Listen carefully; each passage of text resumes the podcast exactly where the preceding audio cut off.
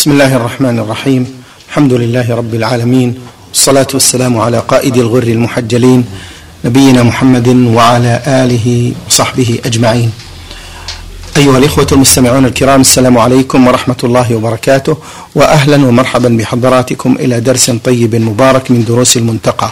ضيف اللقاء هو سماحة الشيخ عبد العزيز بن عبد الله بن باز المفتي العام للمملكة العربية السعودية ورئيس هيئة كبار العلماء.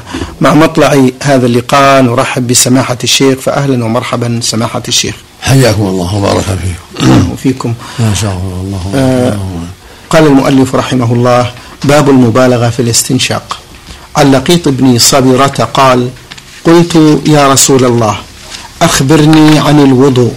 قال أسبغ الوضوء وخلل بين الأصابع وبالغ في الاستنشاق إلا أن تكون صائما رواه الخمسة وصححه الترمذي.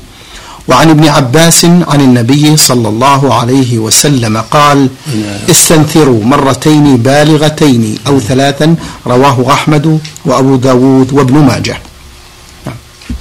بسم الله الرحمن الرحيم. الحمد لله وصلى الله وسلم على رسول الله وعلى آله وأصحابه من اهتدى بهدى أما بعد فهذا هذان الحديثان يدلان على شرعية المبالغة في الوضوء والعناية يقول النبي صلى الله عليه وسلم في حديث لقيط أسبغ الوضوء وخلي بين الأصابع مبالغ في الاستنشاق إلا أن تكون صائما هذا هو الواجب على المؤمن في وضوءه أن يعتني بوضوءه وأن يسبغه.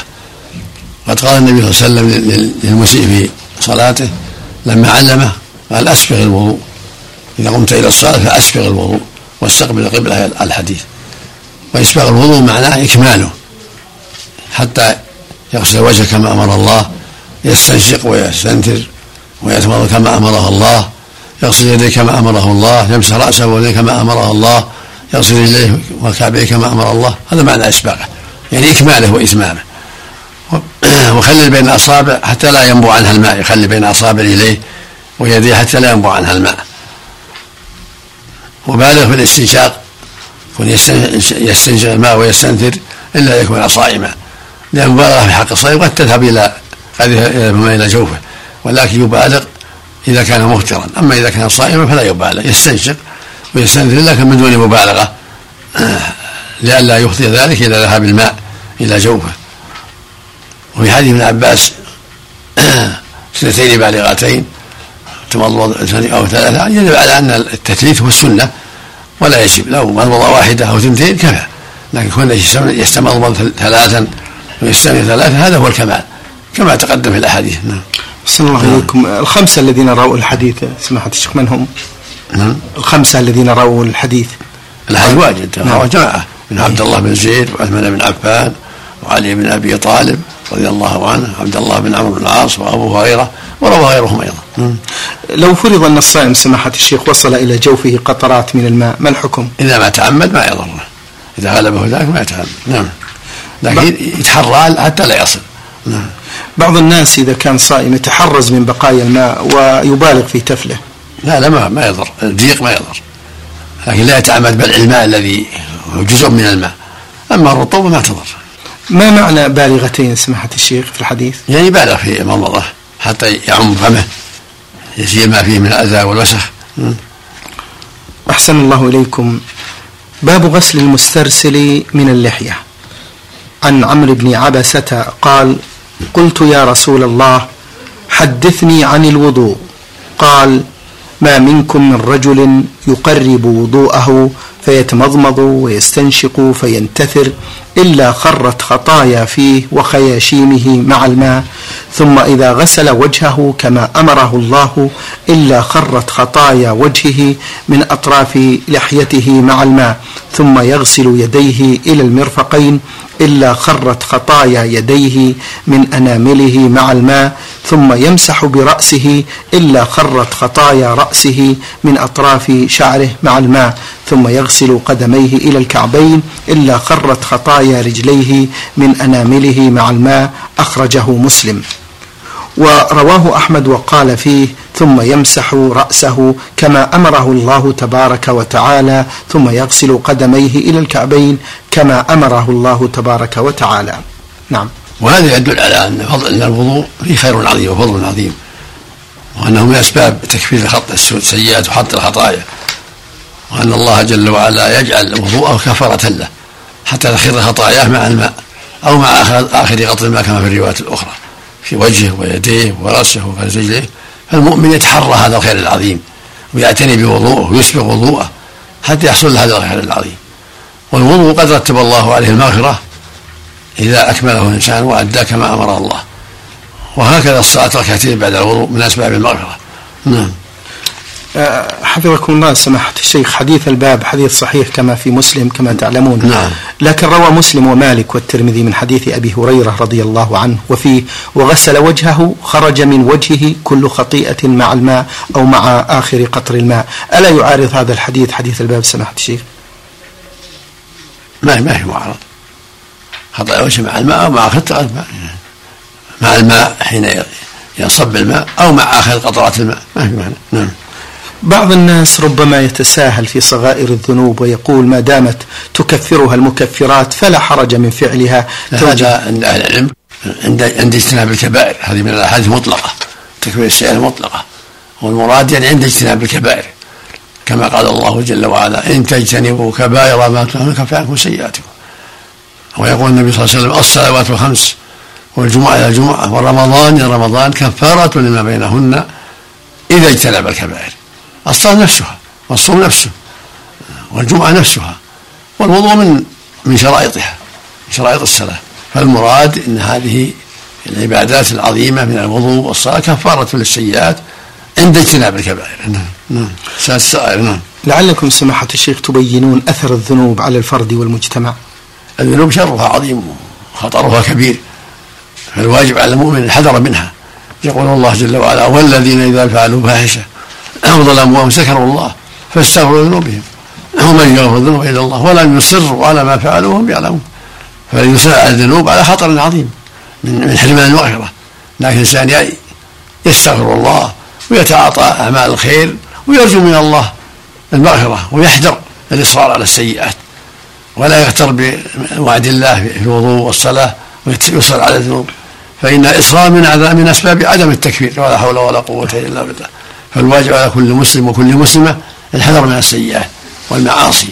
ولكن مع هذا يرجو ربه ويرجو أن يكون وضوءه وأن تكون صلاته وأن تكون صومه كفارة لسيئاته إذا اجتنب الكبائر. أما الكبائر فلا بد من التوبة من الزنا السرقة شرب مسكر عقول الوالدين قطيعة الرحم الغيبة النميمة أكل الربا كل هذه كبائر من كبائر الذنوب نسأل الله العافية. نعم. أحسن الله إليكم وبارك فيكم. لا حول ولا قوة إلا بالله. نعم. قال المؤلف رحمه الله باب في أن إيصال الماء إلى باطن اللحية الكثة لا يجب.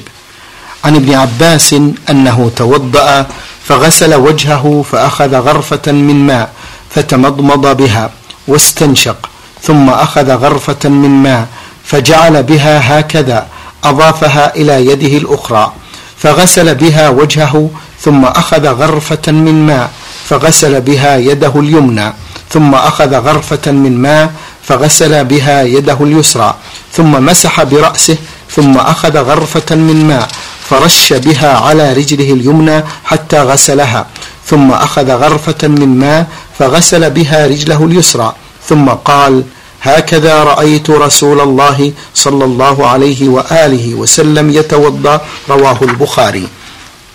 تقدم معنى هذا وهذا معناه أن الوضوء الواجب فيه تعميم العضو. فإذا عممه بالغسل كفى ولو كان بغسله واحدة. الوجه واليدان والرأس والرجلان الواجب مرة واحدة. وإذا كرر ثلاثا فهو أفضل أو اثنتين فأفضل. وإن كان بعض الأعضاء مرتين وبعضها ثلاثا فلا بأس. لكن المرة تجزي. إذا غسل وجهه مرة مع مع المرة والاستنشاق وأسال الماء على لحيته وعماها كفى. المقصود أن إسالة الماء على وجهه وعلى لحيته حتى يعمها يكفي. لأن كونه يكرر غسل الوجه مرتين أو ثلاث كونه يفرك لحيته يخللها هذا أفضل. هذا من باب الفضل. وإلا فمرور الماء عليها إذا كانت كثة كافي. وهكذا اليدين إذا عممهما بالماء مع المرفقين ولو ما دلكهما. وهكذا الرأس يمسحه بأذنيه مرة واحدة وهكذا الرجلان يغسلهما ولو مرة واحدة يعمهما بالماء لكن إذا كرر مرتين أو ثلاث يكون هذا أفضل. لأن يعني هذه الروايات هكذا يجمع بين الروايات. أحاديث النبي صلى الله عليه وسلم يفسر بعضها بعضا. فقد يكمل الوضوء صلى الله عليه وسلم ثلاثة ثلاثة وقد يكتفي واحدة وقد يكتفي بغسلتين حتى يبين لأمته أن هذا جائز وهذا جائز. اللهم صل عليه وسلم. اللهم صل وسلم عليه. أه، سماحة الشيخ حفظكم الله ما هو ضابط اللحية الكثة؟ التي لا يرى ما ما ما تحتها من البشرة تستر البشرة تستر اللحم يعني. إذا عمها بالماء كفى نعم. إذا غسلها سماحة الشيخ. أما إذا كان لا صغيرة يظهر اللحم منها يعركها حتى يصل الماء اللحم يصل الماء إلى اللحم. غسلها سماحة الشيخ يكون للوجوه؟ مستحب. مستحب. غسلها واجب واجب لكن تخليلها هو المستحب. أما كون يعمها الماء هذا واجب لكن كون يخللها حتى يدخل الماء في داخلها هذا مستحب. أحسن الله إليكم. ما صحة حديث كان رسول الله صلى الله عليه وسلم كث شعر اللحية؟ نعم. كان رسول الله صلى الله عليه وسلم كث شعر اللحية؟ نعم هذا معروف. كث اللحية عليه الصلاة والسلام. نعم هذا معروف. لحيته جيدة نعم. صلى عليه وسلم. هل ورد أيضا في حديث آخر سماحة الشيخ بأنه عظيم اللحية؟ حديث؟ ما أتذكر. شيء لكن معنى كثير لا ومعناه معناه العظمة. نعم. باب استحباب تخليل اللحية. عن عثمان أن النبي صلى الله عليه وسلم كان يخلل لحيته. رواه ابن ماجه والترمذي وصححه. وعن أنس أن النبي صلى الله عليه وسلم كان إذا توضأ أخذ كفا من ماء فأدخله تحت حنكه فخلل به وقال هكذا أمرني ربي عز وجل. باب تعاهد المأقين وغيرهما من غضون الوجه بزيادة ماء عن أبي أمامة أنه وصف وضوء رسول الله صلى الله عليه وسلم فذكر ثلاثا ثلاثا قال وكان يتعاهد المأقين رواه أحمد. وعن, وعن ابن عباس أن عليا رضي الله عنه قال يا ابن عباس ألا أتوضأ لك وضوء رسول الله صلى الله عليه وسلم؟ قلت بلى فداك أبي وأمي. قال فوضع إناء فغسل يديه ثم مضمض واستنشق واستنثر ثم أخذ بيديه فصك وجهه وألقم إبهاميه ما أقبل ما ما أقبل من أذنيه. قال ثم عاد في مثل ذلك ثلاثا ثم أخذ كفا من ماء بيده اليمنى فأفرغها على ناصيته ثم أرسلها تسيل على وجهه ثم غسل يده اليمنى إلى المرفق ثلاثا ثم يده الأخرى مثل ذلك وذكر بقية الوضوء. رواه أحمد وأبو داود. السنة في أن يتعاهد الإنسان لحيته هذا أفضل؟ ولا يخللها يعتني بها؟ هذا أفضل. وإلا فالماء يكفي إذا عمها.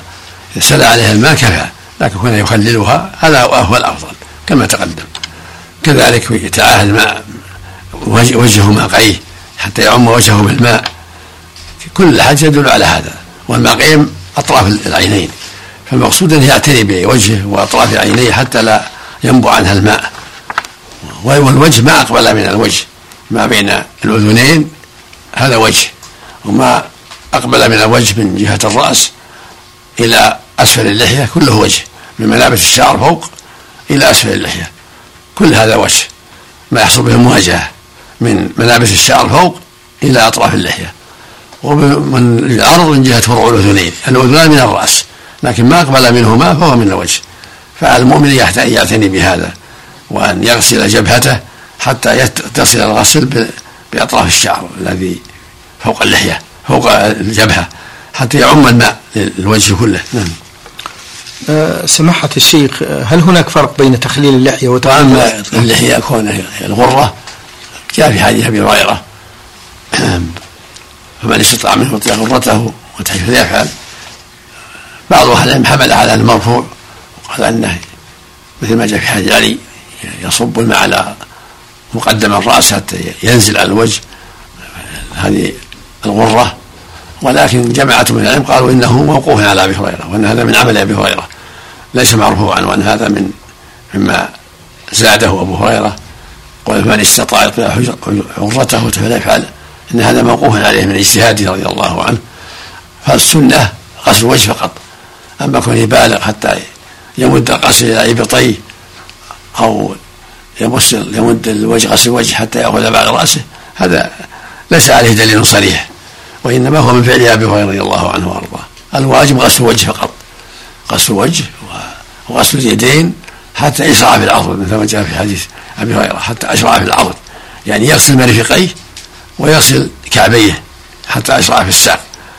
أما كون يغسل الساق كله أو العضد كله لا. إنما هذا ورد من فعل أبي هريرة شهادة منه رضي الله عنه.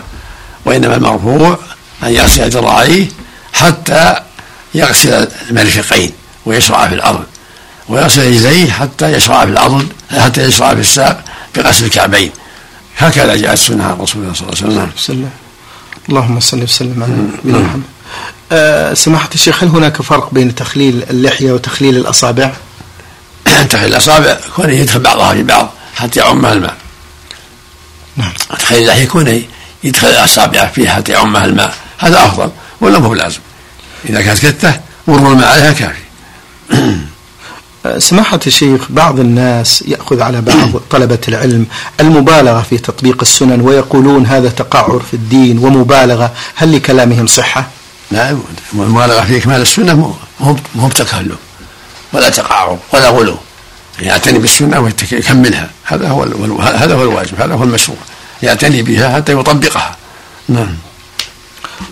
قلنا باب تعاهد المعقين ما المراد بالمعقين سماحة الشيخ؟ أطراف العينين. نعم. ما بين أطراف العين من هنا ومنها من جهة الأنف ومن جهة الطرف الآخر حتى لا ينبع عنها الماء. سماحة الشيخ هناك أناس يمسحون جزءا من الرأس. هل يصح هذا المسح؟ لابد مسح الرأس كله الواجب مسح الرأس كله لا بعضه نعم. والأذنان سماحة الشيخ من الرأس. مع الرأس. يمسح مع أذنيه. نعم. يدخل إصبعيه في في سماخي أذنيه يمسح بأمامه ظاهر أذنيه هذا هو المشروع. يعم الرأس والأذنين نعم. أحسن الله إليكم. لأن الأذنين من الرأس. قال المؤلف رحمه الله باب غسل اليدين مع المرفقين وإطالة الغرة. عن عثمان أنه قال هلم أتوضأ لكم وضوء رسول الله صلى الله عليه وآله وصحبه وسلم فغسل وجهه ويديه حتى مس أطراف العضدين ثم مسح برأسه ثم أمر بيديه. على أذنيه ولحيته ثم غسل رجليه رواه الدار قطني وعن أبي هريرة أنه توضأ فغسل وجهه فأسبغ الوضوء ثم غسل يده اليمنى حتى أشرع في العضد ثم غسل يده اليسرى حتى أشرع في العضد ثم مسح رأسه ثم غسل رجله اليمنى حتى أشرع في الساق ثم غسل رجله اليسرى حتى أشرع في الساق ثم قال هكذا رأيت رسول الله صلى الله عليه وآله وصحبه وسلم يتوضأ. وقال قال رسول الله صلى الله عليه وسلم أنتم الغر المحجلون يوم القيامة من إسباغ الوضوء فمن استطاع منكم فليطل غرته وتحجيله رواه مسلم. تقدم هذا الكلام على وأن الواجب هو إسباغ الوضوء كما بين النبي صلى الله عليه وسلم وأن إسباغه إكماله وإتمامه ففي الوجه يعم الوجه بالغسل مع على الجبهة ومع أطراف اللحية. يعم الوجه وما بين الأذنين كذلك يعم وجهه بالغسل مرة أو مرتين أو ثلاثة وفي اليدين وفي اليدين يغسلهما حتى يشرع في العظم حتى يغسل المرفقين كما في حديث هريرة حتى أشرع في العظم وهكذا في الرجلين حتى يشرع في الساق حتى يغسل كعبيه كل هذا من باب العناية حتى يكمل وضوءه وهكذا اللحية حتى يعمها بالماء ويسبغ الماء في ذلك لكن من دون ما لا يجب عليه إدخال الماء في في اللحية بل إذا غسل ظاهرها كفى وإذا خللها فهو أفضل. نعم. معنى في الحديث هلم سماحة الشيخ؟ نعم. هلم أتوضأ. ما معناها؟ يعني أقبل وأتوضأ لكم. أيوه. نعم. وأنا غر محجلون يعني أن أن الله جل وعلا جعل لهم نورا في أيديهم وأرجلهم ووجوههم من آثار الوضوء الغرة النور في الوجه والتحجيل النور في اليدين والرجلين من آثار الوضوء الله أكبر. هذه من آيات الله جل وعلا. ومن إظهار فضل الوضوء نعم. آه، يوم القيامة. الله أكبر. آه، الغر والتحجيل هل هو خاص بهذه الأمة؟ سماحة نعم هذا من آيات من خصائص الأمة. يعرفهم بها نبيهم صلى الله عليه وسلم. الله. لما سئل بما تعرف أمته قال بأنهم غر محجلون. نعم. تعريف الاستطاعة من استطاع منكم سماحة الشيخ هنا في الحديث؟ هذا المعروف إنه مدرج بكلام أبي هريرة. نعم. من استطاع منكم. نعم.